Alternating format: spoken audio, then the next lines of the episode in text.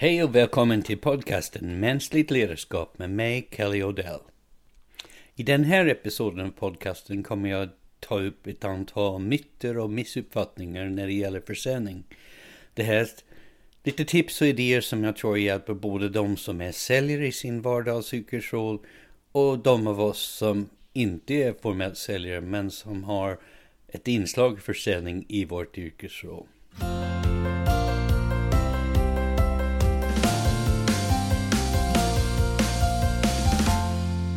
Kejsarens nya kläder.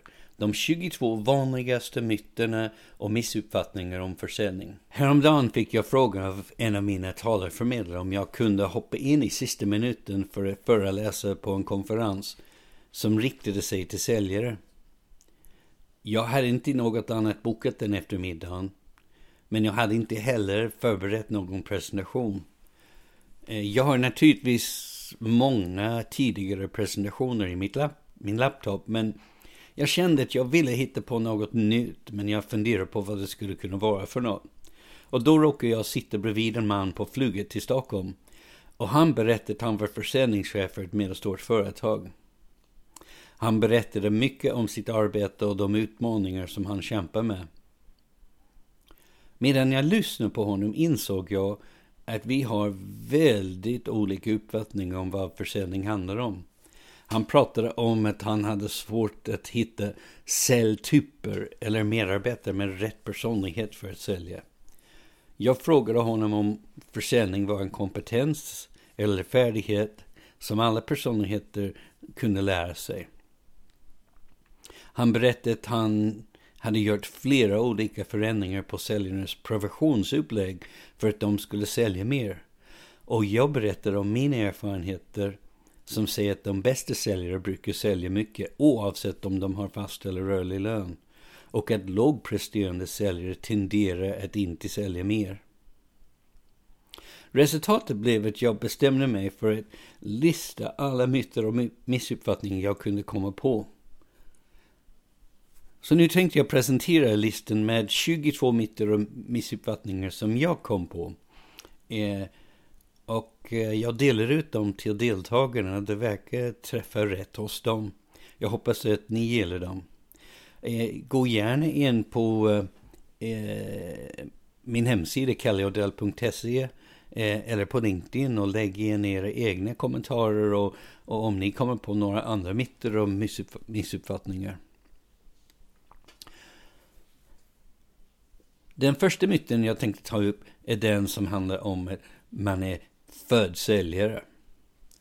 Ingenting kan vara längre bort från sanningen. Man är inte född säljare. Försäljning är en inlärd färdighet, en kompetens. Och det leder till den nästa myt eller missuppfattning och det säljer inte bara en yrkesroll. Försäljning är en färdighet som kan användas i många yrkesroller. Den tredje är det jag brukar ta upp och prata om. Att det finns två typer av affärsrelationer. Det finns en som är mer förförelseliknande och en som är mer äktenskapslik. De flesta verksamheter kan inte leva på att sälja en sak till en kund en gång. Det krävs långa relationer där alla parter upplever att de får mer ut av relationen än vad relationen kostar dem. De mest lönsamma affärsrelationer liknar en bra äktenskap. Att båda parter får mer ut av relationen än vad de måste investera i den. Den fjärde handlar om just personlighet. Det finns inga säljtyper eller säljarpersonlighet. Alla typer av människor kan lära sig att vara duktiga säljare. Nummer fem. Ingen vill ha det du säljer. Kunden vill inte ha det du säljer, de vill ha den nytta som produkten eller tjänsten skapar för dem. Hur kan det du säljer bidra, bidra till att kunden uppnår sina drömmar? Nummer sex. Sluta fokusera så mycket på säljprocesser. Fokusera mer på köpprocesser.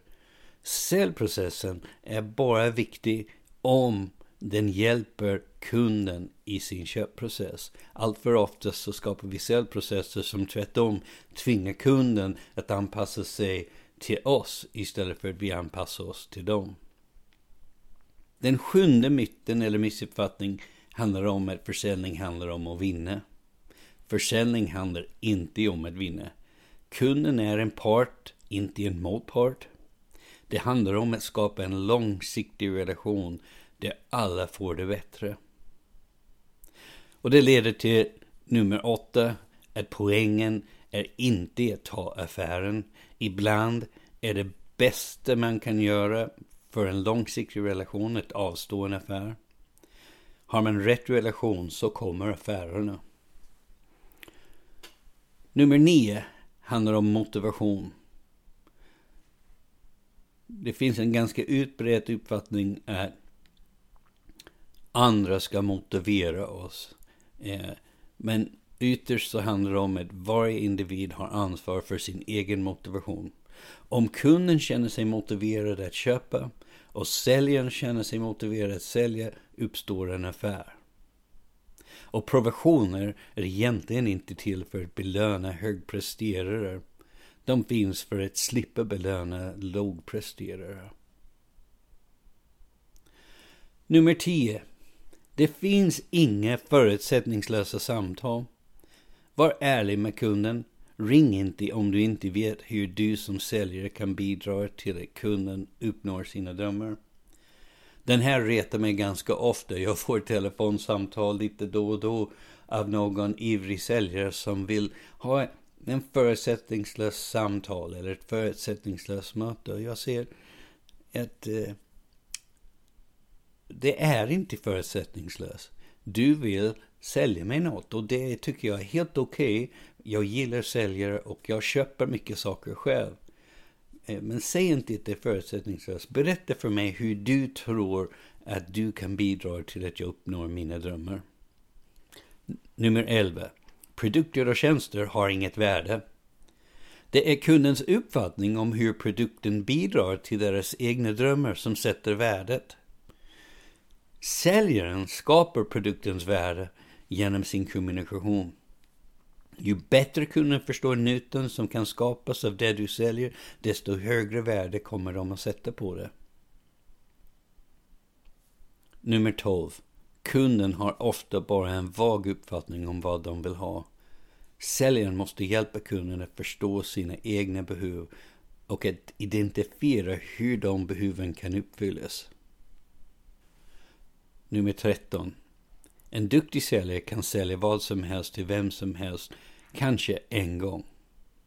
Men framgång handlar om att kunden vill handla av dig igen och rekommendera dig och dina produkter eller tjänster till andra. Nummer 14. Kunden vill inte ha det lägsta priset. De vill ha högsta valuta för sina pengar. Nummer 15. Enkla sanningar är oftast dåliga sanningar. Det finns ingen recept för lyckad försäljning. Vi är alla unika, både säljare och köpare. Vi måste kontinuerligt situationsanpassa vårt arbetssätt. Nummer 16. För att citera ett amerikanskt talesätt. Selling is not telling. Försäljning handlar om att lyssna och förstå. För att relatera tillbaks till en tidigare myt om personligheter så är det vanligt förekommande att man tror att, att säljare ska vara extrovert och att in, introvert inte kan vara säljare. Men här har introverten en jättefördel för det här med att lyssna kommer helt naturligt för en introvert. En extrovert måste lära sig att lyssna. Nummer 17. Tillit. En del tror att kunder inte litar på säljare. Och sanningen är att många säljare inte gör sig förtjänta av kundernas tillit. Friska, fungerande affärsrelationer kräver tillit. Vill man uppfattas som pålitlig så måste man vara pålitlig. Nummer 18. Budgeten är inte det mesta kunden kan betala. Det är mer av ett ramverk Skapar man större nytta för kunden än de trodde de kunde få kan budgeten växa. Nummer 19. Kunden har inte alltid rätt. Kunder har tvärtom ofta fel. De vet inte vad de egentligen vill eller behöver. De missförstår och feltolkar. Om du på ett pedagogiskt sätt kan hjälpa kunden till bättre förståelse kan det leda till bättre affärer. Det är bra att ha integritet som säljare. Det är också bra att vara diplomatisk. Nummer 20. Kalla samtal är inte döda. Jag hör många människor på sistone prata om att i den digitala eran så är kalla samtal döda. Men jag skulle snarare säga att om man menar med kalla samtal att man bara ringer människor på måfå så har kalla samtal alltid varit döda.